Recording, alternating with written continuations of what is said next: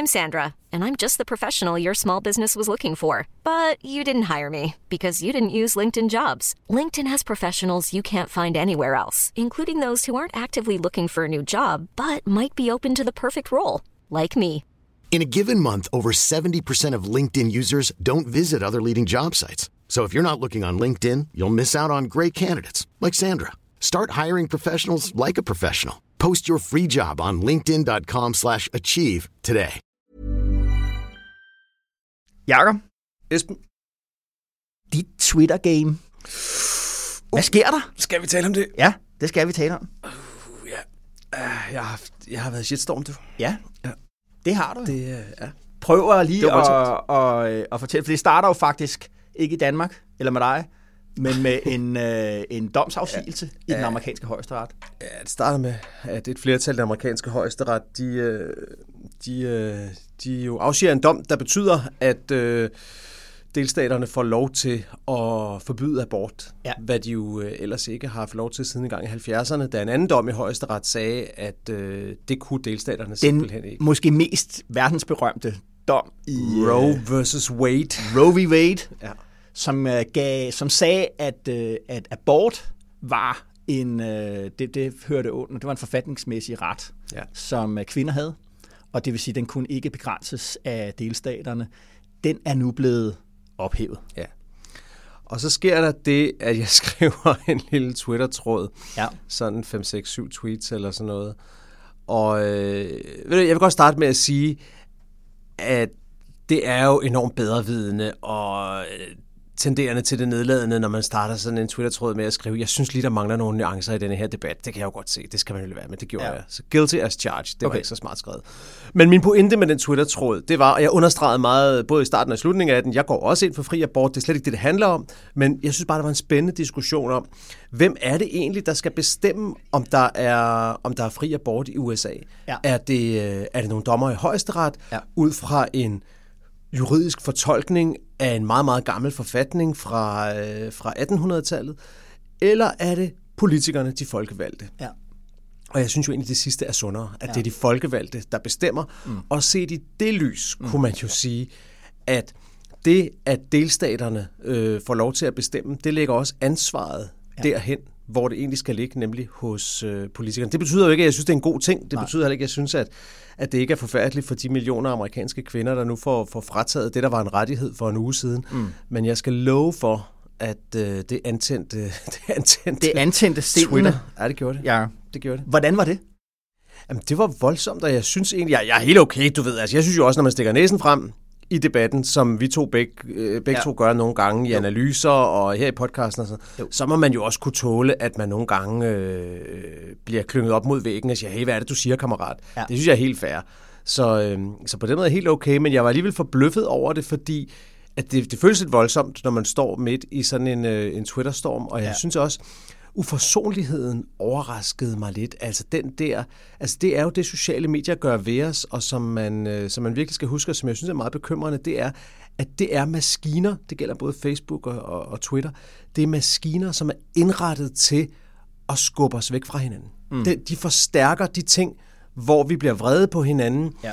og undertrykker de de, øh, hvad skal man sige, de mekanismer, der måske bringer os sammen. For eksempel det, vi to laver her. Vi er jo ja. ikke enige om alting, men, øh, men, men vi har det helt okay med hinanden, og vi går, vi går glade herfra, selvom vi er uenige om nogle ting. Jo. Men på Twitter går man tit ikke glad derfra, hvis man har været uenig om nogle ting, fordi det bliver så følelsesladet. Og det synes jeg blev meget tydeligt i den debat. Så det var, det var tankevækkende, og har i hvert fald bare gjort, at jeg selv, det prøver jeg også til daglig, men bliver endnu mere opmærksom på, selv at prøve ikke at være en, der skubber til polariseringen. Det vil sige, prøve at anerkende modpartens synspunkter, prøve at forstå, hvad de handler om, i stedet for bare at råbe eller sige, nu kører du en stråmand, eller hvad man ellers Ja, ja, så tit hører på, på, på Twitter. Prøve at undgå den der slags, øh, den der slags diskussioner. Ja.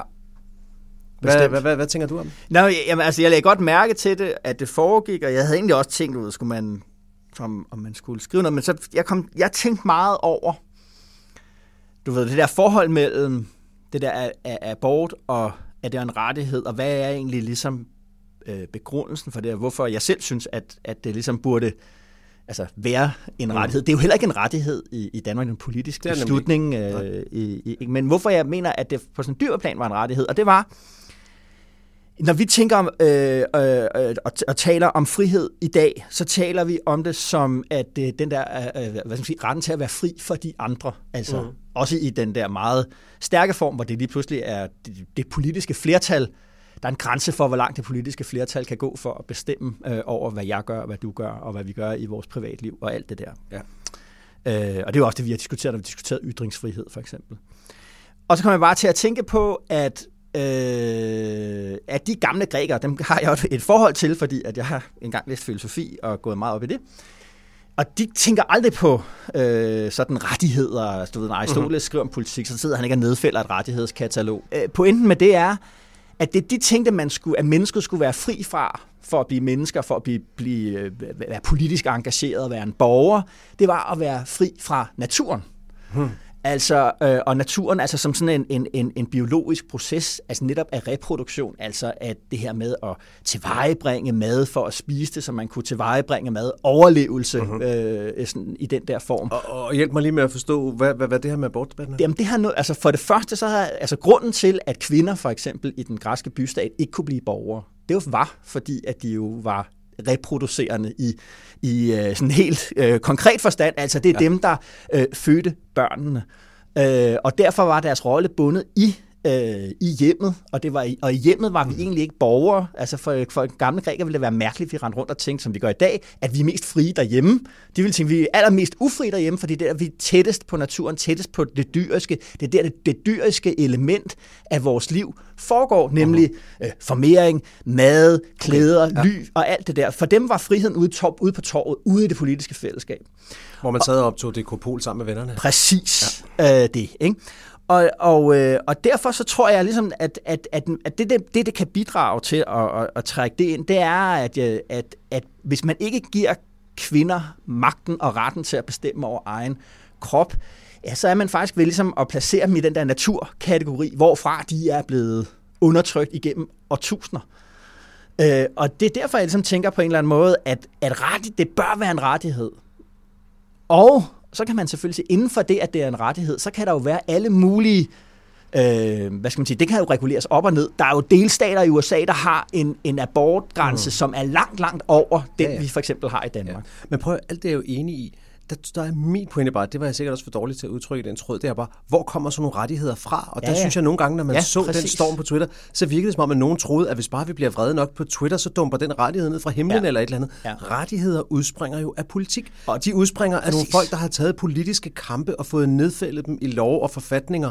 Og præcis. der kan man jo sige, at demokraterne i USA har sovet i timen i de sidste 50, små 50 år, fordi at de har hvilet på en dom i højesteret, ja. og derfor har de ikke effektivt nok ført kampagnen Nej. for kvinders rettigheder. Og derfor er det lykkedes nogle republikanere og en meget højorienteret del af det amerikanske politiske establishment ja. at kapre den dagsorden. Ved at udskifte dommerne i højesteret har man kunnet øh, øh, overturn og nu, Roe v. Og det er, ja. det vil jeg bare insistere på at sige, så kommer der en ny Twitter-storm her, ja. det, er, det er den positive effekt på lang sigt, mm af det her dom, det er, at den vækker til politisk kamp hos øh, demokraterne i USA og andre, og det var på tide. Og øh, der vil jeg gerne smide ind, for jeg læste en, en, en fed analyse af David Frum, øh, amerikansk journalist og taleskriver og alt muligt andet, øh, et politisk dyr om noget i USA.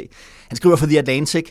Han skrev nemlig en analyse af, hvor hans pointe netop var den, var den der, men faktisk øh, lagt noget oveni, netop at han vil sige, at nu kommer øh, de her øh, republikanske vælgere til jo også at opdage, konsekvenserne af, at øh, abortlovgivningen er, øh, er blevet, kan blive ændret der hvor, der, hvor de bor, fordi det har i meget høj grad været et symbolsk issue, øh, et, de kalder det wedge issues i amerikansk politik, men det har været sådan en værdipolitik på et symbolsk plan, hvor man stod på det emne, var en måde at signalere, hvor man stod henne politisk. Men nu bliver det konkret hverdag. Nu er det noget, man skal administrere derude. Nu er det alle de ulykkelige sager, øh, der vil komme, og der vil komme jo øh, øh, helt nu skal, Nu skal borgerskabets børn i Mississippi også rejse 1000 km nordpå for at få en abort, når de bliver øh, gravide ved Alt et det der, ja, og politikerne skal stå til ansvar over for de, de der forfærdelige sager. Der vil jo være voldtægtssager, yes. alt muligt andet, kvinder, der dør i barselssengen, og skal kunne forsvare det, øh, øh, hvad det hedder konkret. Og der er From, det han sammenligner det med, det er alkoholforbuddet.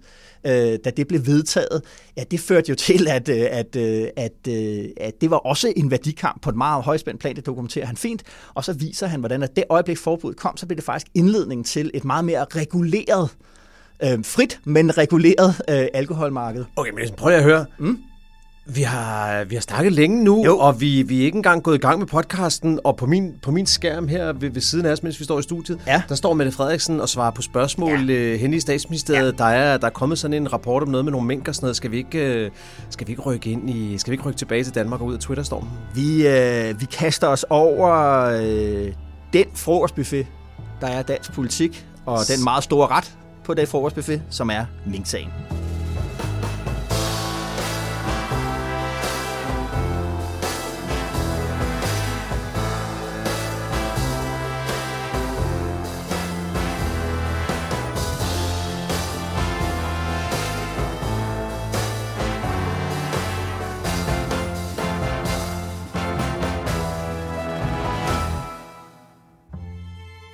Kommer der til, Jacob, øh, fluen på væggen.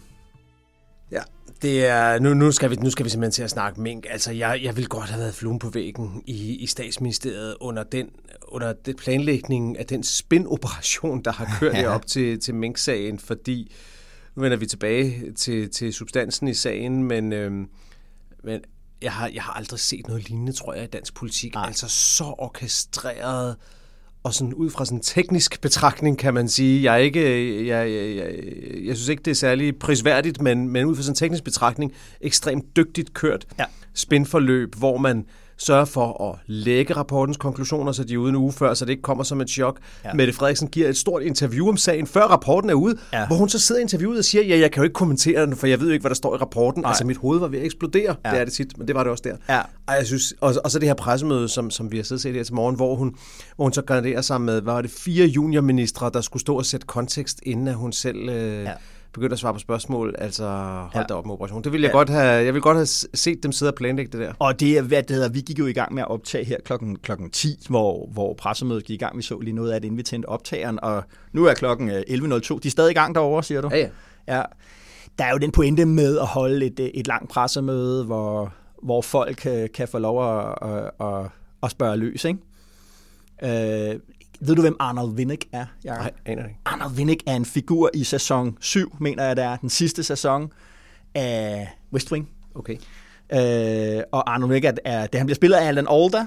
Øh, som fra fik- MASH. Ja, ham fra MASH, ikke? øh, øh, og øh, han er republik, den republikanske præsidentkandidat, og han ryger nogle problemer omkring noget atomkraft, øh, som går galt, og så holder han så, altså, du ved, og der er en lang sag, det gennem, hvor, du ved, hvor han ikke vil svare på spørgsmål, og du ved, pressen jager ham, og på et tidspunkt, så tager han den beslutning og siger, nej, nu stiller han op, og så stiller han op, øh, indtil der ikke er flere spørgsmål. Altså indtil pressen har udtømt det sidste spørgsmål. Det var jo Fire, det, Lykke også gjorde i den der 4G-sag. præcis den, øh, den taktik der. Ikke? Fordi det, den effekt vil være, det er, at nu er der blevet spurgt i bund. Nu har alle fået svar på deres spørgsmål, og alle har fået tid til at stille, mm. du ved, to, tre, fire, fem spørgsmål. Ja.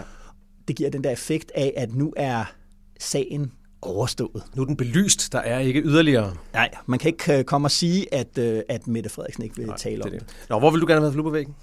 Jamen, det, altså, jeg, har, jeg er også sådan lidt interesseret i, øh, i, i, i sådan uh, det behind the scenes tingen. Ja. Uh, jeg vil gerne have summet rundt uh, til de møder. Jeg går ud fra, at der har været telefonsamtaler, der har været mellem Dansk Industri og Dansk Erhverv og de borgerlige partiledere, fordi vi har jo helt glemt dem under Mink-sag og Christian Tulsendal, der forlader Dansk Folkeparti, mm. og alt det der. Der har været enormt meget drama, men der bliver jo også ført helt almindelig politik, og noget af det, der er sket i den her uge, det er jo, at nogle af den der helt store drama, der var tidligere på året i januar, nemlig hvor øh, hvad det hedder, man ikke kunne blive enige om en aftale om, om udenlandsk arbejdskraft som en del af det der program, regeringen kaldte Danmark kan mere et. Ja, det faldt på plads her for et par dage siden, og det faldt jo på plads på en måde, hvor det man kan sige, det var, at de borgerlige, de ville ikke være med i den aftale oprindeligt. Øh, de ville have en lavere beløbsgrænse på 360.000 kroner, tror jeg, og regeringen holdt fast på 375.000. Og øh, så, kom, så lavede de borgerlige sådan en klassisk værdikampskryds, hvor de også ville have, at øh, der skulle være en landeliste, der forbød, som undtog en hel masse mm. øh, hvad det hedder, lande fra at kunne, kunne få udenlandsk, altså, vi kunne få udenlandsk arbejdskraft fra de lande, ikke? og det var så alle sammen øh, lande, med, hvor der er øh, muslimer. Ikke? Og øh, de har de ikke fået igennem. Så det, der er sket, det er, at, øh, at, at vi er havnet der, hvor vi kunne have havnet i januar, nemlig øh, med 375.000 og ingen, øh, ikke, ikke, ikke nogen øh, landeliste. Og det står jeg ikke for at sige, øh, at træde rundt i, at de borgerlige ligesom skulle have tabt. Mm. Øh, men det siger noget om, synes jeg, at de borgerlige har haft svært ved at finde ind i en Øh, funktionsdygtig oppositionsrolle. De har haft svært ved ligesom at gå ja. ind, strike a deal, sige, øh, vi kom så langt, som øh, vi kunne med den her regering. Det er selvfølgelig alt for lidt, og når vi kommer til, så skal I bare se løjer. Mm. Det er det der med, at man havner i hård konfrontation og sammenbrud, øh, og det dur jo ikke. Og sagen for grund til, at, de, at det jo er blevet den deal, det er blevet, det er jo netop fordi, at dansk industri og dansk erhverv sagt, ja. prøv at høre, vi har brug for alt den arbejdskraft. Så du ville godt have været der, da de sad og trykkede på de borgerlige og sagde, kom nu venner, nu er ja, nødt til at for en diskussion, ikke? og hvad er det for nogle ja. refleksioner, der foregår hos de borgerlige? Ja. Hvordan, og det kommer vi også til at tale om, når vi taler Mink-sag. Esben, det her det er jo en historisk uge, ikke også? Fordi ja. at, øh, at vi, vi taler om en uge, hvor at Christian Thulesendal, en af medstifterne af Dansk Folkeparti, har forladt partiet, og alligevel valgte du ikke at være flue på væggen et sted, der havde noget med DF at gøre. Det synes jeg, vi skal notere. Så er det Mink, Jacob. I går, det er for cirka 20-21 timer siden, der landede øh, Mink-kommissionens beretning. Mange tusind sider, meget hård kritik. Hvad er dit takeaway? Jamen, det er, at det er en historisk hård kritik, der kommer i den rapport. Vi, har, altså, vi er helt oppe på linje med, muligvis endda vildere, vil jeg sige, end Tamil-rapporten faktisk, ja. og instrukssagen. Ja.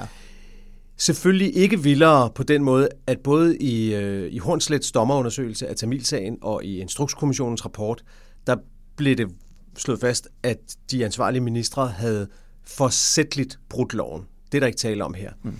Men vildere på den måde, at der her er kritik af en hel stribe ministerier, at der er kritik af øh, altså op mod 10 af rigets aller, aller øverste embedsmænd, mm-hmm. og hvor kommissionen direkte vurderer, at det bør have tjenest tjenestlige konsekvenser for dem ja. i en eller anden form, og det kan ja. jo være alt fra en advarsel til en degradering til en fyring i yderste konsekvens. Det bør have konsekvenser for dem, og der snakker vi om statsministeriets departementchef, om justitsministeriets departementchef, ja. om rigspolitichefen og en stribe andre højstående ja. embedsmænd. Så ja. jeg synes, og, og også, også de ting, der står om statsministeren, det kan vi vende lidt tilbage til, mm-hmm. hvis mhm. man læser, hvad der rent faktisk står om statsministeren. Ja. Igen, nej, de vurderer ikke, det var forsætteligt. De Nej. vurderer ikke, hun har løjet over for Folketinget. Nej. Men der står nogle voldsomme ting om ja. hende i den kommission. Ja. Så jeg synes, det er en meget, meget, meget, meget hård kommission. Og som vi også har snakket om her før, så, så synes jeg, det er, at det er, at det er pudsigt, undrer mig lidt, at diskussionen i så høj grad handler om en rigsret. For jeg synes på en eller anden måde, at der var nogle andre diskussioner, der var vigtigere end det med, om man kan få slæbt Mette Frederiksen for en rigsret. Ja.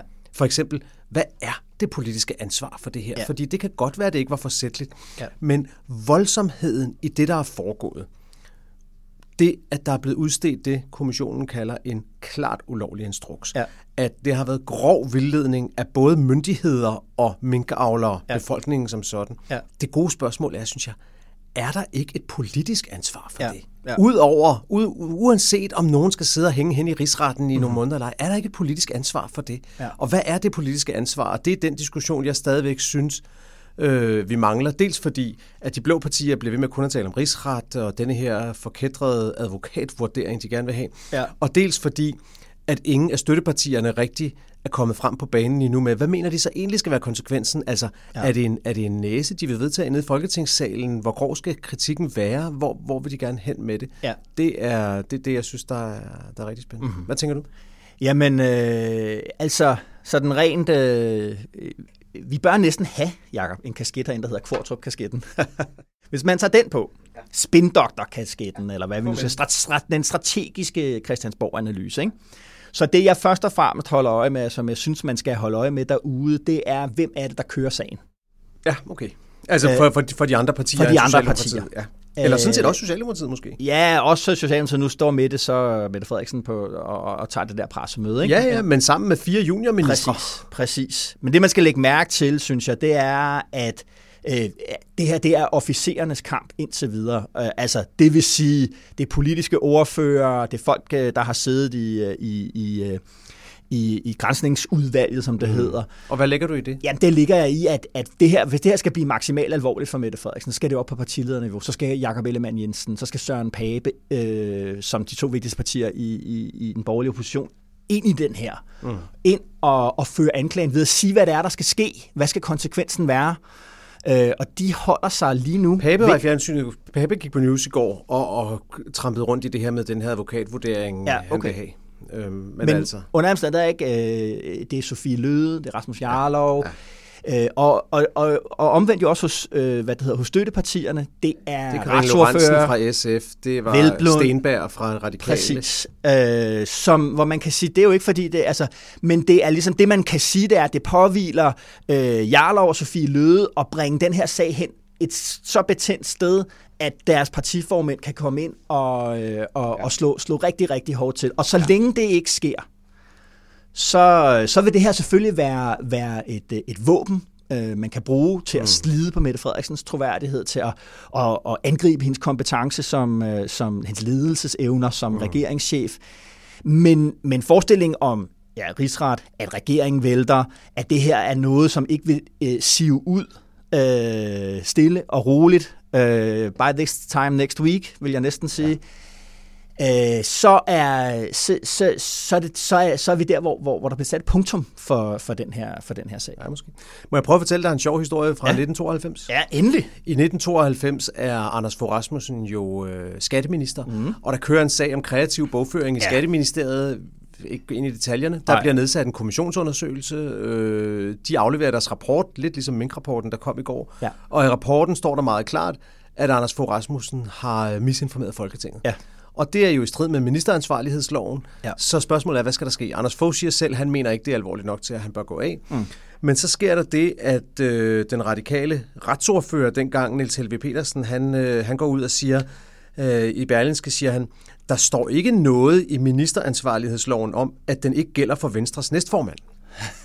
og så, så starter der sådan lidt ballade, og han tilføjer også, det vil jo være urimeligt, at den her sag fører til disciplinærsager mod fem embedsmænd, uden ja. at det får konsekvenser for ministeren. Mm. Altså, han går ud ja. og appellerer til sådan en almindelig snusfornuftig retfærdighedssans, ja. at hvis der er fem embedsmænd, der skal have en ja. over nakken, så skal der også være et politisk ansvar. Og så kommer øh, den daværende radikale leder, Marianne Hjelved, på banen lidt senere, og hun, øh, hun fortæller så til journalisterne, at hun har spurgt sig selv, om hun egentlig kunne forklare det til den radikale hovedbestyrelse, hvis Fogh blev siddende. Ja. Og svare så, nej, det kan jeg faktisk ikke. Det mm. går ikke, det her. Folketinget kan ikke arbejde på de betingelser. Jeg er ked af det. Der er ingen vej udenom. Og da hun har sagt det, så vælger Anders Fogh Rasmussen frivilligt at gå af næste dag. Ja. Så er spillet ude, ikke også? Ja.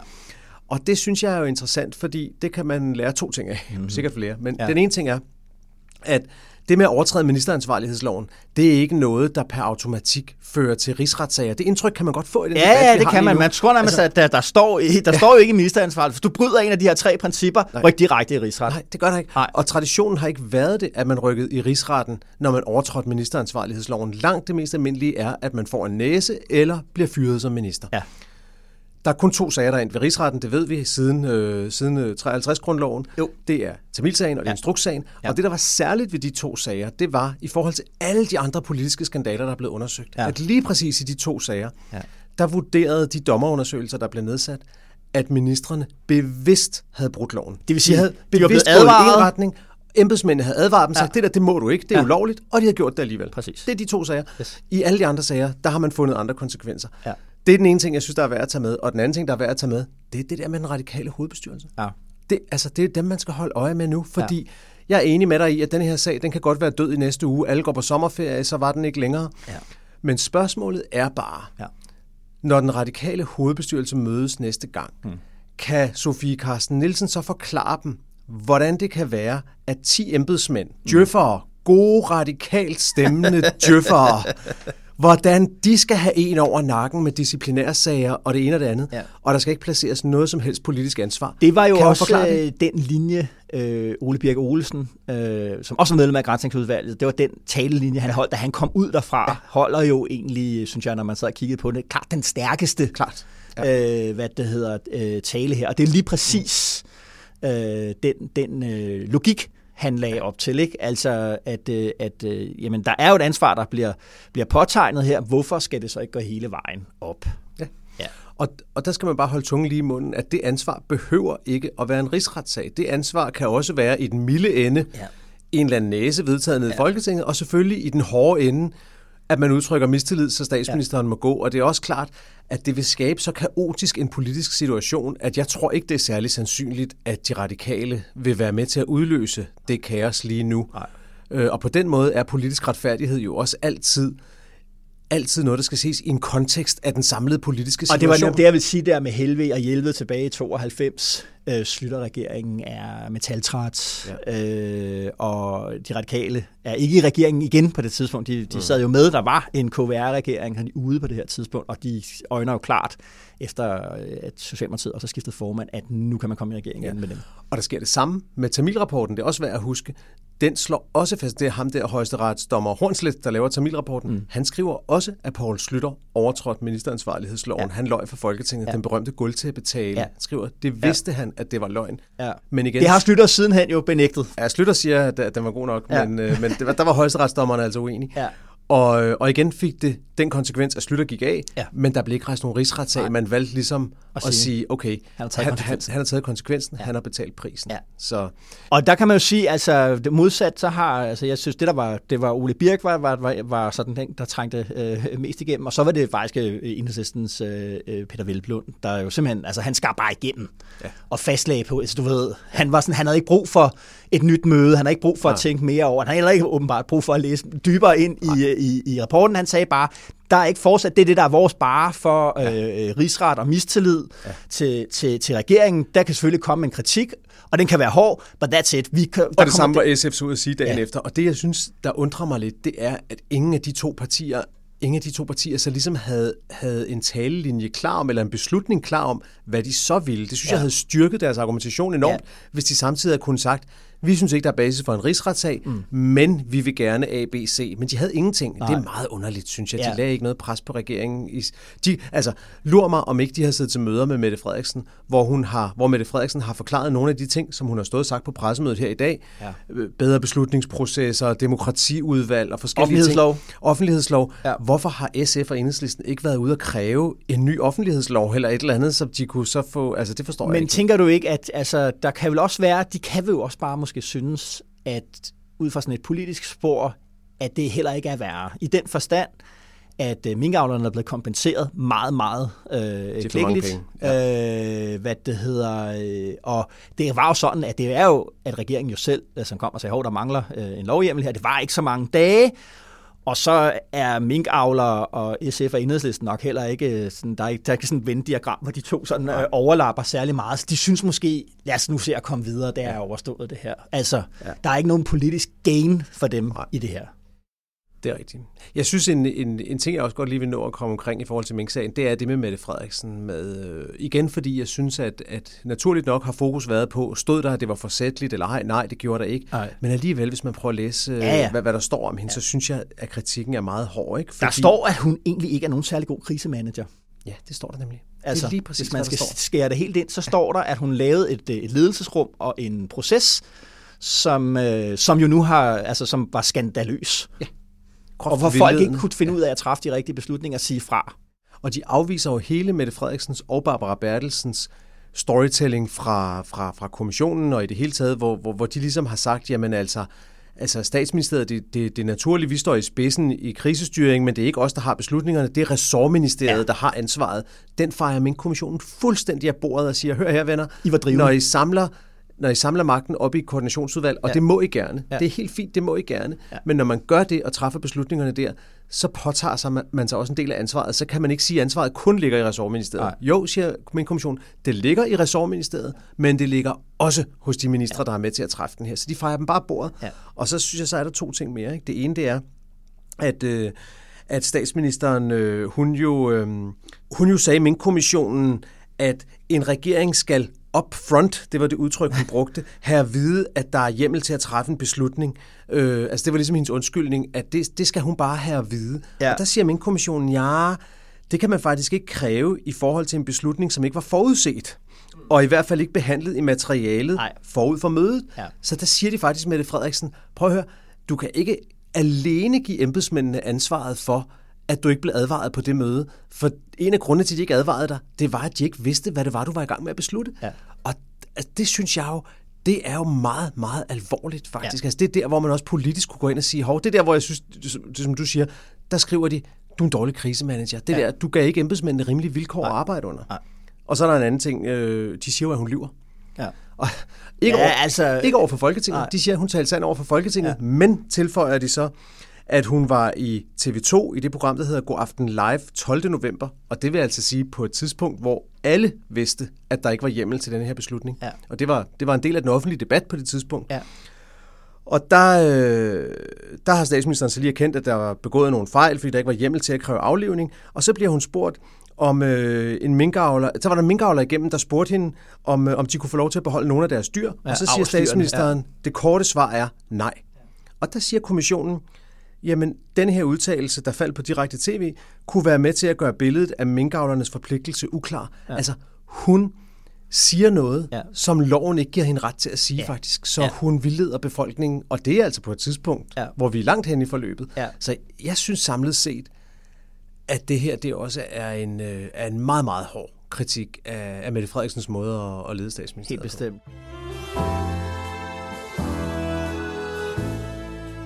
Men lad os lige vende tilbage til Jacob også øh, embedsværket og, Ja. og, og, og ledelsen der, og hvad konsekvenserne kan være. Ikke? Fordi det var i hvert fald min første reaktion, da jeg sådan noget skrålæse igennem, og, og, og hvad der havde været ligget og sådan noget. Det her, det er en anklage og en diagnose af en krise i toppen af det danske øh, centraladministration. Altså, som du selv siger, det er Johan Legaard, øh, Justitsministeriets departementchef, det er Barbara Bertelsen, statsministeriets departementchef, det er pol- Rigspolitichefen, det er, det er toppen, og sådan et lag nedenunder mm. af, af, af chefer, ikke? Og, og, og der, altså jeg har sådan øh, øh, en, en gang imellem ligesom så kigget lidt ind i det der, i det der spørgsmål. Øh, og, og, og for mig er det simpelthen bare, der er jeg ikke i tvivl om, at nu bliver vi nødt til at tage den der debat om det neutrale embedsværk, hvordan det fungerer, og hvordan systemet fungerer. Hvad er det, der bliver øh, promoveret i, øh, i, det, i det danske embedssystem. Jeg skrev om det en analyse, hvor jeg trak på nogle konklusioner, der var lavet i en, i en, i en, bog, der hedder Fornyelse eller Kollaps, uh-huh. som blandt andet Jesper Twisler, også en tidligere topembedsmand, uh-huh. havde været med til at skrive. Ikke? Og, og det, det, der er interessant, jeg tror, vi har talt om det før, men det, de viser, det er, hvordan politisk strategisk rådgivning er kommet til at fylde mere og mere øh, i toppen af, af, af embedssystemet, og i den måde, man bliver øh, får karriere på i embedssystemet. Ja. De tegner et portræt af, øh, hvem er det, der bliver departementchefer, fordi jeg tror også, vi talt om her det der. Jeg havde et billede, jeg tror mange derude har det der billede af, at departementchefen, ja, det er en ældre person, der Lang igennem- tro tjeneste. er, er rig på erfaring, bliver promoveret internt op igennem systemet, og som slutter en, en, en lang og gloværdig karriere med 5, 10, 15 år som, øh, som sådan en, en, en caretaker of tradition. Og i virkeligheden er det meget unge karriere. De, karriere De er mellem 40 og 50. Ja. De, det vil sige, de har masser af ambition. De er sikkert vildt dygtige, og de er måske særligt dygtige også til den politiske del af altså den politiske rådgivning. Hvordan får vi processen ført ud? Hvordan får vi politikernes ønsker ført igennem? De er ikke særlig rige på erfaring. De sidder ikke i deres job særlig lang tid. Altså, det er sådan noget i snit under Mm. fem år. Øh, De sidder i deres forskellige chefstillinger op igennem systemet. Og det vil også sige, sidste pointe, det er ikke de, det er ikke endestationen for deres øh, karriere. De skal have andre topjobs på, i andre øh, sammenhænge inden for centraladministrationen, uden for centraladministrationen, og de har fået en europæisk, international bane at være på også. Det der det er mega interessant, men, men hvis vi så kigger på det konkret, så er der jo også en modfortælling, der hedder, at de to største skandaler i den nye Danmarks historie, de Ja. to, som har ført til rigsretssager, Ja. Tamilsagen og Instrukssagen. Det her, det er... Lad os tage... Ja, okay. Hvis- Hvis du tager de to ja. sager, så tror jeg, at en af de afgørende parametre i de to sager, som gjorde, at de endte, som de gjorde, Ja. det var svage departementchefer, som ikke fik sat foden ned over Ja. for deres ministre i tide. Paul Lundbæk Andersen, den gamle justitsministeriets departementchef, som ikke fik sat foden ned over for Erik Hansen, Ja. og Uffe Tordal i Udlændingeministeriet, som ikke fik sat foden Som ned begge var over for ældre. Støjberg. Netop var den der Og det gamle var begge to, Ja. lige præcis. Ja. De der distinguerede ældre departementchefer, som ligesom, du ved, kørt på, på Raleigh herrecykel hen på arbejde med, med mappen bagpå. Ja. Men, men, men det gav dem altså ikke den nødvendige pondus til Men her- at lukke ned. Barbara Bertelsen og Johan Legert er, altså, hvad skal man sige, uh, the spitting image of lige præcis den uh, type af uh, departementchef ja. uh, som, og styrelseschef, som de tegner et billede af i ja. den der uh, rapport. Jeg, jeg ja, sammenligner det, nogle gange så, for, så har de der, uh, så jeg, jeg kaldte det det McKinsey-ficerede uh, embedsværk, fordi at altså de her, som McKinsey, det kan også være Quartz, eller sådan, de her uh, konsulentvirksomheder, som netop har de her ekstremt ambitiøse, vildt dygtige uh, folk, der arbejder solen sort, uh, hvad det hedder, i, i, i, i nogle år i, i det der system, ikke? Og som, øh, og, som, og som har det der øh, effektivt. Nogle gange bliver de folk, som, så bliver de ked af sådan at sammenligne. Det er ikke for at sige noget dårligt om McKinsey eller Quartz eller nogen andre, men det var for at sige det der med, hey, vi skal det her, altså, embed, em, altså departementchef er en, er en del af en karriere nu mm. for et individ, som har, øh, som virkelig har en brændende karriereønske. Og jeg mener, hvem er, hvem, hvem når man taler, synes jeg, med embedsfolk, hvem synes de er heltene? Det er ikke Christian Kettel eller Carsten Dybvad øh, øh, længere, de her grå eminenser. Mm. Øh, det er jo sådan nogle som Ulrik Vestergaard og sådan nogle vildt dygtige folk, og så er det jo OECD i topstillinger, og så er det, altså, og, og noget af et andet bemærkelsesværdigt jobskifte var øh, Beskæftigelsesministeriets departementchef, der skiftede til DBU, ikke for at sige noget dårligt om ja. ham. Øh, han har også blandet sig her i, i, i debatten om departementchefer. Ja, men det er bare... departementchef i Finansministeriet, som lige er blevet chef for ATP, den Præcis. største pengetank i hele Danmark. Og sådan Præcis. Ja, ja, det og det vil bare sige, at, at, øh, altså, at det der spørgsmålet i forhold til neutralt embedsværk, det er ligesom, jamen med den, med den, hvis det er sådan, det fungerer i dag, er det så på tide at få ligesom, forskilt det politiske spor, altså hvor det handler om at drive politiske beslutninger, få lave politiske forslag, ad, skilt det ad fra det der juridisk faglige. Fordi det, der sker nu, det er, at de er samlet i, i, i en pyramide, så løber de sammen, de to spor, i den ene og samme person, nemlig departementchefen. Og i det her tilfælde, så løber de ind i den samme person i statsministeriet. Altså Barbara Jeg er sikker Bertelsen. på, at der, kommer, at der kommer en stor, hvis ikke flere kommissioner, der kommer til at sidde og skrive tykke, tykke rapporter om det, du siger nu. Ja. Men jeg tror, mit lidt kyniske blik på det er, at den største forandring, der kommer til at ske, det er den forandring, der ligger i den benhårde kommissionsundersøgelse, der ligger nu, fordi den vil i nogle år i hvert fald være retningsgivende for, for embedsværket ja. i forhold til at sige, hey, det her skal vi gøre på en anden måde. Vi kan se, at Mette Frederiksen har på pressemødet i talt om, at nu skal der indføres rådføringspligt, så en regering skal rådføre sig med Folketinget, inden ja. den træffer vidtgående beslutninger. Ja. Og det er jo lidt, synes jeg, lidt ligesom øh, et barn, der har, der har stjålet af slikskålen og ja. bliver fanget, og så siger bagefter, hey mor, skal vi, ikke, skal vi ikke aftale, at for fremtiden skal jeg spørge, inden jeg tager noget slik? Ikke? Ja. Og hvor mor vil sige, jo, sådan har det sådan set altid været. Ja. Øhm, ja. Så, øh, altså, så der kommer også til at ligge noget, noget effekt bare i det, at der er blevet skældt ud. Ja, ja, ja, selvfølgelig. Men på den anden side må man også sige, ikke, du har vi haft øh, netop jo rigsretssagen mod Inger Støjberg, ja. som har de samme ja. elementer. Vi har statsløse sagen, samme elementer. Altså man er også sådan lidt, altså det er i hvert fald ikke noget, man løser med et, et hurtigt udvalg og syv øh, gode Nej. råd på en plakat, der hænger rundt omkring i, Nej, i, øh, i, i centraladministrationen. Fordi det, der jo også er sket i, øh, i, i løbet af 20-30 år, det er, at øh, befolkningstillid til øh, centraladministrationens øh, embedsfolk er dalet. Altså mm. de lå engang nummer et eller nummer to. Ikke? Ja. Altså du, du var en af de mest troværdige mennesker, der fandtes, hvis du var departementchef eller altså, ja. bare embedsmand i det hele taget. Mm. Og nu er de øh, ved at nærme os og andre hernede i, i, i bunden af tillidspyramiden. Ikke? Øh, og det kan selvfølgelig, altså det er selvfølgelig problematisk. Altså også fordi, hvis vi skal tage den helt op, øh, og det gælder også politikerne her, altså hvad kan man sige, hvis der er noget, de roder med, hvis der ikke kommer konsekvens her, som folk kan se derude, ja, så er det selvfølgelig klart, at, at, at jeg tænker, ja, Danmark har undgået mange af de der tillids øh, sammenbrud, vi har set i USA eller England eller, eller Frankrig, ja. og hvor folk øh, er, har gode grunde, synes jeg, til at proteststemme på, også på vilde politikere. Altså, jeg kan ja. godt forstå, hvad der er, der driver det. Ikke? Altså, jo. hvorfor valgte man Trump? Det var, fordi de synes, at hele Washington var rådent. Ja. Så tænkte de bare, så sender vi ham der øh, ja. ballademageren ind, fordi der er brug for at ruske op i systemet. Ikke? Jo vi skal passe lidt på her, ikke? Øh, at, øh, at det ikke kommer, altså at, at vi ikke sætter noget over, over styr her. Og der er det der, jeg tænker, at den der for eksempel den der adskillelse mellem politiske kabinetter og juridisk faglige øh, øh, embedsfolk, der er nødt til at ske et eller andet. Det er, jeg, det, det, må, det er, min, øh, det er min holdning. Spændende.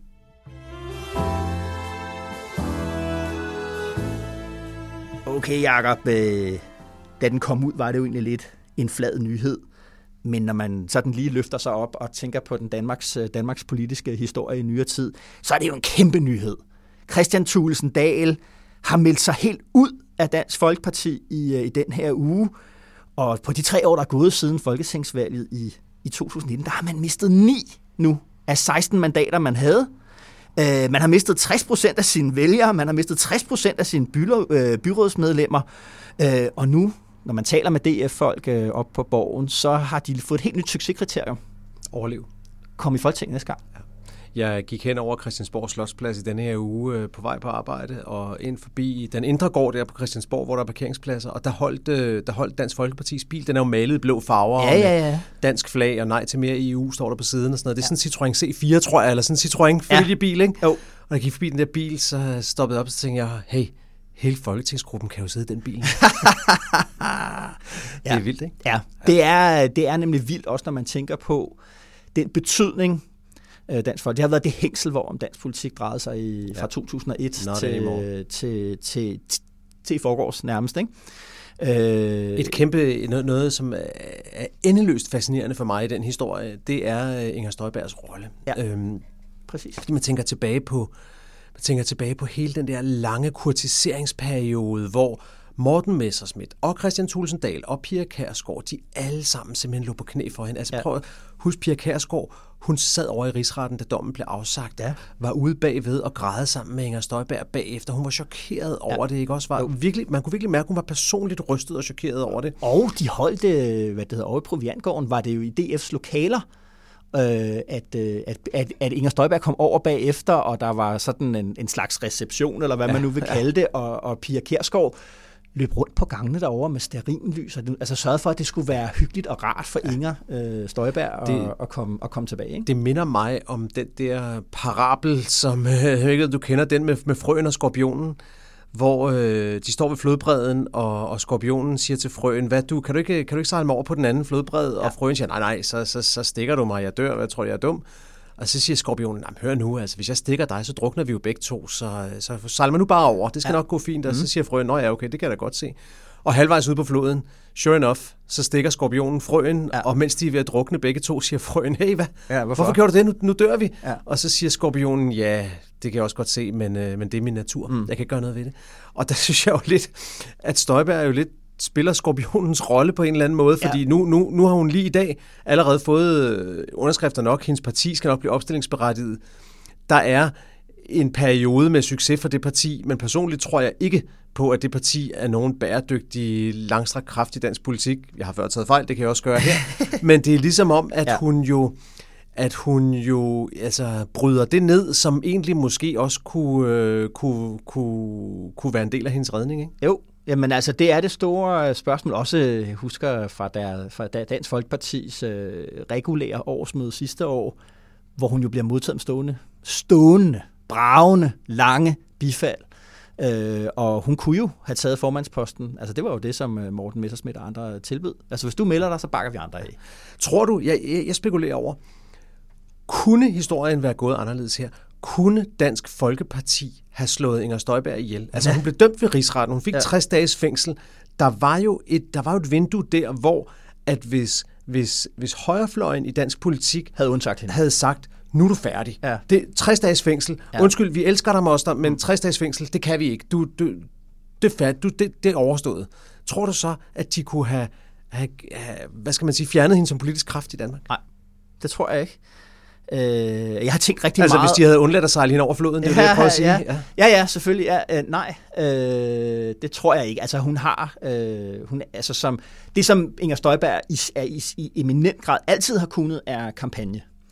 Og så er der jo det der, øh, som vi også har talt om her, og jeg har skrevet om det, øh, den der, altså hun er jo den første politiker i Danmark, der opdager, hvad er Facebook, hvad ja. kan Facebook, og ja. hvad sker der, hvis jeg kan omdanne mig selv til et medie på Facebook. Ja. Hun har over 200.000 følgere på Facebook, og altså, du ved, 50.000 på Instagram. Altså hun er, hun har forstået det der før alle andre øh, forstod, hvad det var, det kunne, så forstod vi snakkede om øh, Vi snakkede om shitstormens natur lige i starten af den her podcast, og ja. det Inger Støjberg har forstået, det er jo, at Facebook er polariseringens medie, og det hun bruger ekstremt dygtigt, det er jo polarisering som politisk værktøj. Præcis. Og men jeg har tænkt over det endnu øh, øh, sådan, øh, jeg har også virkelig og tænkt, hvad er, det, hvad, er det, hvad er det, hun kan, og hvad er det, hun gør, hvad er det, hun ved i forhold til det her med at overtage mm. Dansk mm. Folkeparti, ikke at overtage Dansk Folkeparti. Mm. Selvfølgelig er der noget med nogle magtkampe. Altså hvis hun overtog Dansk Folkeparti, vil hun stadig skulle sidde med Morten Messersmith, ja, ja. og hun ved også godt, og det tror jeg er noget af det, man skal, altså, hvis vi lige kan lave en lille parentes om det, og sige, hvis DF skal overleve, så er det fordi, at han har en dyb forankring i partiets unge altså både mm. i, i, i mm. ungdomsorganisationen og altså Messerschmidt. Ja, ja, og de unge vælgere. Det, ja. det var dem, der øh, øh, altså unge medlemmer i, i der bar ham frem til sejr. Ja, det var det. Ja. Simpelthen. Ja. Ja. Nå, Nå, men du vil lave en anden ja, pointe. andet af det, det er, fordi det der med, altså hvad er, hvad, hvis vi nu kigger, hvad er det populisme øh, baserer sig på, hvad er, hvad er tænkningen, øh, sådan implicit i hvert fald. Og der, der er der, den, der er en, en, en fransk sociolog, der hedder Pierre Roussan Van som er udgivet en bog, vi har også anmeldt den her, øh, der, der hedder Populismens århundrede, hvor han analyserer, han prøver at komme med en politisk filosofi til populismen, fordi så man konstaterer, du ved, liberalismen har Adam Smith, og socialisterne har Karl Marx, og der er ikke en politisk filosofi til populismen, så den vil han lave. Ikke fordi han selv er populist, men for ligesom at sige, nu er jeg nødt til at få en politisk filosofi, så vi kan angribe den. Nå, men det han jo noterer sig, det er det der, blandt andet det her med, at at uh, populister, de har altid brug for det, han kalder folkemanden. Det kunne så også være folkekvinden. Og han, du ved, at nogle af de eksempler, han trækker på, er Chavez i Venezuela, siger, Chavez er ikke længere et menneske, han er et folk. Trump, der siger, I am your voice. Øh, og, og, og den der, det vil sige, det er en idé om på en eller anden måde, at den politiske leder, den populistiske leder, er ikke en, der repræsenterer en holdning, men en, der inkarnerer en ja, identitet. Ja. Det, er jo også, det er jo også Jan Werner Müllers definition af populisme. Det er en, der, der foregiver at tale ja. på flertallets sag imod en politisk elite, som ja. i virkeligheden er en slags forræder. Og, og, og, og den der inkarnation, det var det der, når, når Inger Støjberg siger, jeg, jeg har udlændingepolitik, jeg bærer den i hjertet, mener den helt ind i mm. knoglerne, altså den der mm. reference til hendes krop, ja. simpelthen. Ja. Ikke? Altså, den, den er, altså hun læmeliggør dem, hun repræsenterer. Mm. Ikke deres holdninger, ikke deres tanker. Det er det ene. Så, var jeg, så tænker jeg sådan, når man, hvordan bliver man egentlig folkemand? Mange prøver at få, få lykkes med det. Ikke? Hvad er det for et andet begreb, vi skal have fat i her? Øh, og der har jeg så siddet her den her uge og, og, og, og genopfrisket lidt, uh, lidt uh, Max Weber, den tyske sociolog uh, fra begyndelsen af, ja. af, af 20. århundrede. Og han, han opererer med et begreb, der hedder karisma, som han uh, dyrker en del, faktisk. Uh, han siger ligesom, at alle partier i demokrati, der er, det, der er det, altså et element af karisma, der skal være i alle politiske ledere. Vi skal have succes. Mm. Og hvad er karisma? Uh, og, og han siger, at karisma Øh, oprindeligt betyder det jo, at man er at er nådegave fra Gud. Altså, det er profeter og, og sådan hellige mænd, øh, der har været haft karisma. udstråling, ikke? Eller? Ja, udstråling, men det er det der, netop det her med, at for ham, at det, han, det, han, det er jo fordi, han selv tror på Gud øh, på den måde, at øh, Gud har givet nogen en gave, men det han siger, det er, at folk tillægger dig. Folk tror på, at du er sådan, at du er på en eller anden måde særlig. Øh, og, det, og det siger han så ligesom, at det, det, det, det, det, det, det, det fungerer i politik. Og det, der bare er interessant med det, det er, at når han så går i gang med at behandle karisma, så en af de spørgsmål, der dukker op for ham, det er, hvordan bliver kar- karismatisk politisk ledelse givet videre? Og han fortæller om, hvordan er det, man finder en ny Dalai Lama, og hvordan er det, du ved, det er ikke noget, man vælger, siger han. Det er helt klart. Det kan ikke være inde i det der demokratiske valgs rationelle. Det er noget med, at du bliver håndspålagt af den gamle, øh, altså at, at den ene karismatiske leder, så den ligesom fører arven videre okay. i sådan en form for Og så tager man lige tilbage til Støjberg igen. Hvor... Det hun ved, det er, hun er karis, altså karismatiske ledere, de har øh, ikke vælger, de har følgere apropos følgere på Facebook. Hvad det er, ikke? Og det der er, det er, hun ved godt, hun kan ikke overtage DF, fordi det er ikke en institution. Hun skal genføde. Hun, og derfor så, der, og, og, og Weber siger, at han noterer sig også, at karismatiske ledere er revolutionære. Nu samler jeg det, nu er det altså ganske vist, at Jesus og så videre, det er ikke for ja, at sige ja. det, men det er simpelthen det der med, at hun ved, at hvis hun skal genstarte højre populismen i Danmark, så er hun nødt til, så er det altså via en, en eller anden form for revolution, et brud, hvor hun ligesom skal træde frem som den nye. Og det synes jeg er spændende, fordi man har diskuteret i så mange år, den der afhængighed, højrepopulistiske partier havde af den politiske leder. Og det der med, at når de forsvandt, så forsvandt partiet også. Og det er jo lidt det, vi ser lige nu. Ja, lige præcis. Så det, du siger, det er, at hvis Brian Weikart fra Ekstrabladet, han havde læst sin Max Weber, så ja. havde han kunnet undgå at skrive 20 artikler om, hvorvidt Inger Støjberg ville blive formand for Dansk Folkeparti. øh, nu har jeg haft diskussion jo lidt med, med, med, med, med Brian Weikart om det. men, men det er jo selvfølgelig klart, det er jo vigtigt at spørge om. Ja. Altså, hvorfor, hvorfor bliver du ikke formand for Dansk Folkeparti? Og det der med, at hun, at hun, er jo, altså, hun har jo været meget koket, hvis vi kan sige det pænt, om det. Altså, som du jo selv hun har jo taget imod, de betalte hendes sekretær, de gav hende et kontor, de ville gerne, medlemmerne har stået og klappet. Ja.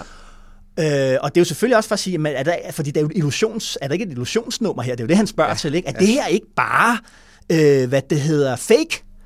Øh, og, og, og, og det vil jeg uh, sige, ja, det er det jo på en eller anden måde, men der er et eller andet behov for et genfødsel, fordi, det kan, fordi at netop at den her type af partier har meget svært ved at, øh, at, at, at, ligesom at gøre sig selv til en institution. Og det problem vil jo så gentage sig i Inger Støjberg-partiet på et tidspunkt, fordi det er Inger Støjberg-partiet øh, ja. ikke mere, ikke mindre. Ja, præcis. Og derfor kan man også sige, og det, det er jo det, synes jeg, der er, der er, der er det store perspektiv i Tulsendals udmeldelse, det er jo, det kan godt være, at de overlever næste folketingsvalg og får, og får, og får nogle mandater, men, men dybest set, så viste det her, at Dansk Folkeparti nok ikke var en blivende kraft i dansk politik, som man godt kunne have troet for tre. Det ville faktisk have været, ja. have været, have været nok vil blive set på, man ville nok blive betragtet som lidt skør, hvis man for tre år siden havde sagt, at Dansk Folkeparti ikke var en blivende kraft i dansk politik. Så stærk som de stod. Men det var de nok ikke. Og, og, og, og det er den sidste pointe der, det er jo ligesom at sige, jamen, altså sådan, på den måde er Dansk Folkeparti i, i slægt med en række andre protestpartier. Ja hvor vi også har haft, altså du ved, Kristelig Folkeparti, CD, Fremskridtspartiet, alle sammen fra 73, alle sammen protestbevægelser. Karismatiske ledere. Karismatiske ledere. Glistrup, Erhardt, øh, som, som de helt store, der havde forstået tv-mediet og kunne det på en helt særlig måde. Ja. Det, karismaen blev slidt op med tiden. Øh, de kunne ikke selv forny sig. Og Pia Kærsgaard er jo også selv, hun begik jo et brodermor eller et fadermor på Glistrup. Øh, først noget mod partiet, brød med det bagefter, genstartede bevægelsen i nogle nye, mm. i nogle nye symbolske former. Øh, og det havde så også øh, øh, sin tid. Ja. Og det er jo, altså det man skal huske på med både Kristelig Folkeparti og Centrumdemokraterne, de var i regering i både borgerlige og socialdemokratiske regeringer. Ja. Ja. Havde du sagt i 1995, CD, det er ved at være overstået, så havde folk sagt, ah, kom nu, Jacob, ikke? Ja, ja, Altså, øh, vi kan da huske, at de har været, og det er da en etableret ja. øh, møbel inde i, inde, inde i stuen og sådan noget. Ikke? 2001, overstået. Ja. Det går rigtig stærkt. Okay, ja, så skal vi lige runde noget, vi har talt om af flere omgange øh, her i DK Pol. Finsen-sagen, sagen mod øh, FE's øh, topchef, ja, der Lars skete, Finsen. Der, der er sket også noget bemærkelsesværdigt i den sag den her uge. To øh, store artikler, øh, Berlingske Tidene har afdækket, hvad en del af anklagen mod ham i hvert fald øh, handler om, øh, og hvordan politikerne på Christiansborg, nogle politikere, er blevet briefet om, hvad det er, der foregår. Det er jo en sag, der, ligesom med Claus Hjort-sagen, er henlagt i mørke, fordi det handler om øh, statshemmeligheder, og man er anklaget under paragraf 109, som handler om, at man afslører øh, statshemmeligheder, man ikke ja. bør gøre. Ikke? Ja, ja. Altså, Jacob, jeg, jeg, du ved, jeg har læst de der artikler øh, nogle gange. Jeg har også læst Lars Finsens. Øh, han har udtalt ja, han udgav jo så sit eget han, for første gang. For udtalte han sig jo så sådan i, i, i, i mere end en enkelt sætning, ja. og skrev et længere, et længere indlæg, som blev sendt til Ritzau's Bureau, ja. øh, hvor, hvor han ligesom redegjorde for, for sagen set fra hans synspunkt. Og uanset hvad man ellers mener om sagen, var det jo, var det jo, var det jo vild læsning. Ja. Altså, ikke mindst udgangen, hvor, hvor, hvor han refererer en samtale med sin 14-årige datter, der siger, far, bliver vi så stadigvæk aflyttet? Og han siger til hende, jamen det, det ved jeg faktisk ikke. Nej. Men jeg synes stadigvæk, at, at når jeg så har læst, læst et par gange, jeg har simpelthen svært ved at finde ud af, hvad, det, altså, hvad handler det her egentlig om? Der bliver talt i ja. koder og i antydninger, og det er ligesom om, man skal være meget, meget indvidet for overhovedet ligesom at bare få en, en lille smule greb om, hvad, hvad, hvad, er det, hvad er det der handler om? Er det, er det, er det, er det, er vi på vej ud i noget, der som er en, en kæmpe skandale, altså at man har, øh, hvad det hedder, falsk nærmest anklaget øh, FE-chefen øh, for landsforræderi? Yes. Eller er det her mega hammerne alvorligt? Har han det, gjort det, noget, man det, ikke synes må? Jeg, det synes jeg lige præcis, og det, det, det skal du snakke med om lidt, men det er lige præcis det, fordi det, det, der står tilbage fra denne her uge, det var jo nemlig lidt, at sagen i endnu højere grad end tidligere kom til at stå lidt i, i, i et latterligt skær, fordi ja. at noget af det Berlingske kunne afdække, og jeg vil godt sige, dyb respekt for den undersøgende journalistik, der ligger bag, at Berlingske kunne opliste de der ni punkter, ja. der, der var angiveligt er i anklageskriftet mod ja. ham, hvor et af dem jo er en samtale, han har haft med sin 84-årige mor, ja. Og det ligesom enhver kan se, ah, ja. ah, var, ja. altså, den, det, altså 74 dage i fængsel, for noget, han havde siddet og talt om i sit køkken med sin mor. Ja. Virkelig. Ja. Og, og det var jo det indtryk, man blev efterladt med, både af Berlinskes artikel, ja. og også af Lars Finsens eget ja. øh, indlæg, hvor han også refererer det her med, at han på et tidspunkt fra en genbrugsplads har, har fisket et gammelt vrag af en cykel op til sit sommerhus, og det gør sig angiveligt nu, at han måske over for nogle politikere er blevet udstillet som cykeltyv eller sådan noget. Altså det fik latterlighedens skær. Ja. Og, og det kan jo også godt være, at det er det. Ja. Men... Ja, ja. Altså, det er jo, det, det, det, altså, jeg synes, det jeg sidder med, øh, når jeg læser, det er ligesom, at det ligesom ikke bliver behandlet øh, i, i journalistikken. Der, er ligesom, der mangler den der, øh, den anden vinkel på det. Den der med, Men der er jo ikke nogen, der vil sige noget. Hvad nu, hvis det her det er alvorligt? Altså, hvad nu, hvis Lars Finsen har sagt noget, øh, han kommer jo selv ind på i sit indlæg, altså øh, det her med den åbenhed, han har haft omkring i forhold til journalister, at han har talt med journalister. Øh, Øh, er der noget, han har sagt der, som kan have skadet landets interesser? Og der kan man sige, for os som journalister har vi måske sådan, vi har lidt svært ved ligesom at se, jamen, hvordan skal noget, han har sagt, ikke sagt til baggrund, noget, der er stået, hvordan skulle det kunne skade landets sikkerhed? Øh, og hvordan, altså... Men så prøv at forklare, hvor, hvad, hvad, hvad, hvis du bare skulle spekulere helt vildt, hvad, hvad, hvad kunne det være? Ja, lad os sige, altså, der er jo ikke, vi, vi, vi ved ingenting. Nej. Jeg ved ingenting, men jeg synes, det kan være ret åbenlyst, at, øh, at man kunne godt se en årsagskæde, hvor for eksempel noget kommer frem omkring vores samarbejde med øh, det amerikanske efterretningstjeneste. Øh, det kunne være det der kabelsamarbejde. Øh, og så den amerikanske efterretningstjeneste siger, det gider vi ikke det her. Altså, de er meget påpasselige sikkert med, hvem der siger hvad om det samarbejde, hvornår. Det er jo bundhammerne ulovligt.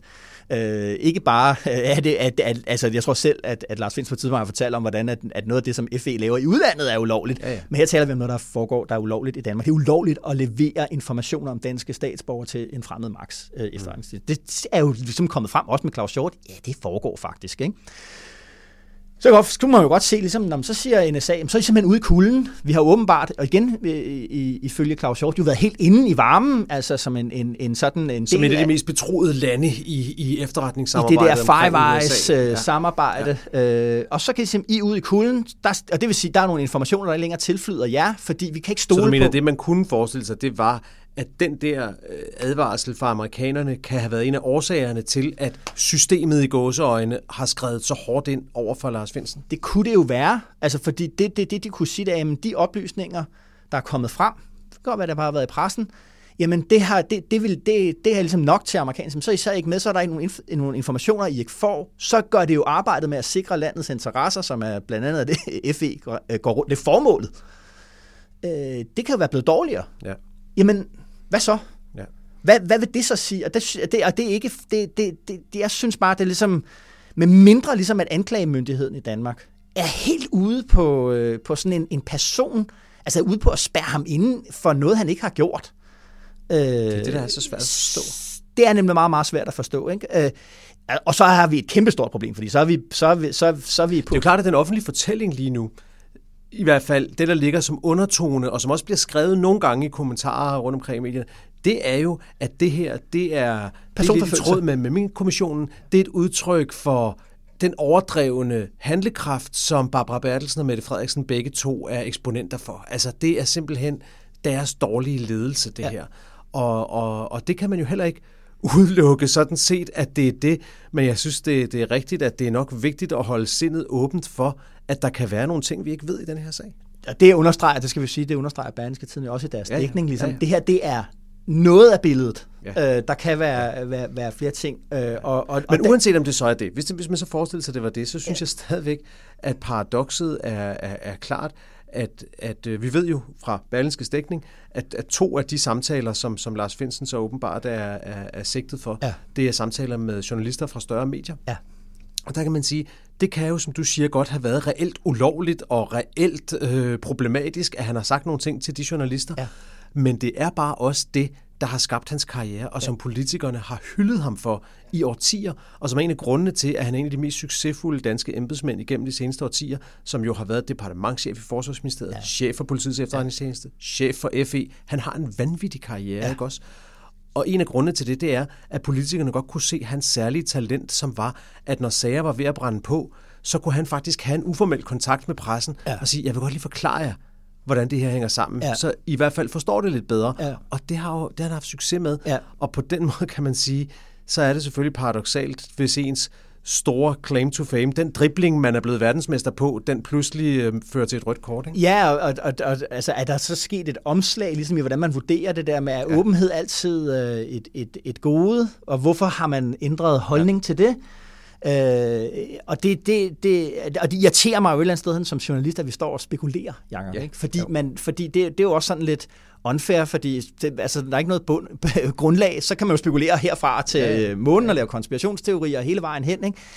Det er bare, altså, der er noget, der trigger en, hvor man siger ligesom... Øh, det, det, det, det, hvad, der er et behov for, der er et behov for, at denne her sag kommer til en anden form for afslutning, og at og at den, den, den også får en eller anden form for at den også får en eller anden form for logik i offentligheden, ja. så den ikke ender ja. som et spøgelsestog, ja. der kører igennem dansk administration og politik. Helt enig. Prøv at høre, Esben, nu har, vi, øh, nu har vi lavet, jeg tror måske den længste udgave af DK Polen nogensinde. Vi kører løs, ja. og det er også godt, det er sommerferie. Folk kan tage, tage den nogle bidder, hvis det er. Hvis de er nået så langt her, har de jo lyttet med. Jo. Men altså, der er nogen, der kører længere end os, fordi på min, altså, da vi gik i gang, ja. der var Mette Frederiksens pressemøde allerede godt i gang. Jo og det kører stadigvæk på skærmen foran mig, ja. så vi er stadigvæk, vi er stadigvæk uh, kun second place efter, efter Mette Frederiksen. Jeg lægger det der Arnold Winnick uh, op i show notes, så kan folk ja. selv se. Uh, jeg ved ikke, om det har et forlæg i virkeligheden egentlig, altså om, om, uh, om dem, der lavede West Wing, har, altså der findes et, et, et, eksempel i amerikansk politik på en politiker, der har gjort sådan, men det er i hvert fald sådan i, i, i, i, i, i sådan politico-termer, så det, så det ja. det, man forbinder det med. Hvor er det, man kan gå ind og se det der afsnit af West Wing? Hvem er det, der har det liggende for tiden? Kan du huske Ja, vi har sat... Uh, via Play hedder det, øh, har det, og jeg mener også, at HBO øh, okay. Max har har Vi skal lige have et link op til det afsnit der, ja, så man kan sætte sig og se det afsnit. Jeg skal i hvert fald hjem og se det. Den forkædrede syvende så er meget udskilt, men jeg synes, den kan nogle helt... De har jo blandt andet lavet en helt... Øh, øh, hvad det er, helt afsnit, som er en, øh, en af de der parti, altså, hvad hedder det, præsidentdebatter. Ja øh, som er helt formidabel, hvor man ligesom kan, det, det er ligesom, du ved, det er sådan, du ved, det er det bedste for demokraterne, og det bedste for republikanerne. Endelig får vi sådan en kvalificeret, rigtig diskussion, ikke drømmen om den gode ja. debat. Det er helt fantastisk, og Anna Alda er muligvis den bedste øh, republikanske præsidentkandidat, de nogensinde har haft. ja, vi skal på sommerferie. Ja. DK Pol skal på sommerferie. Ja.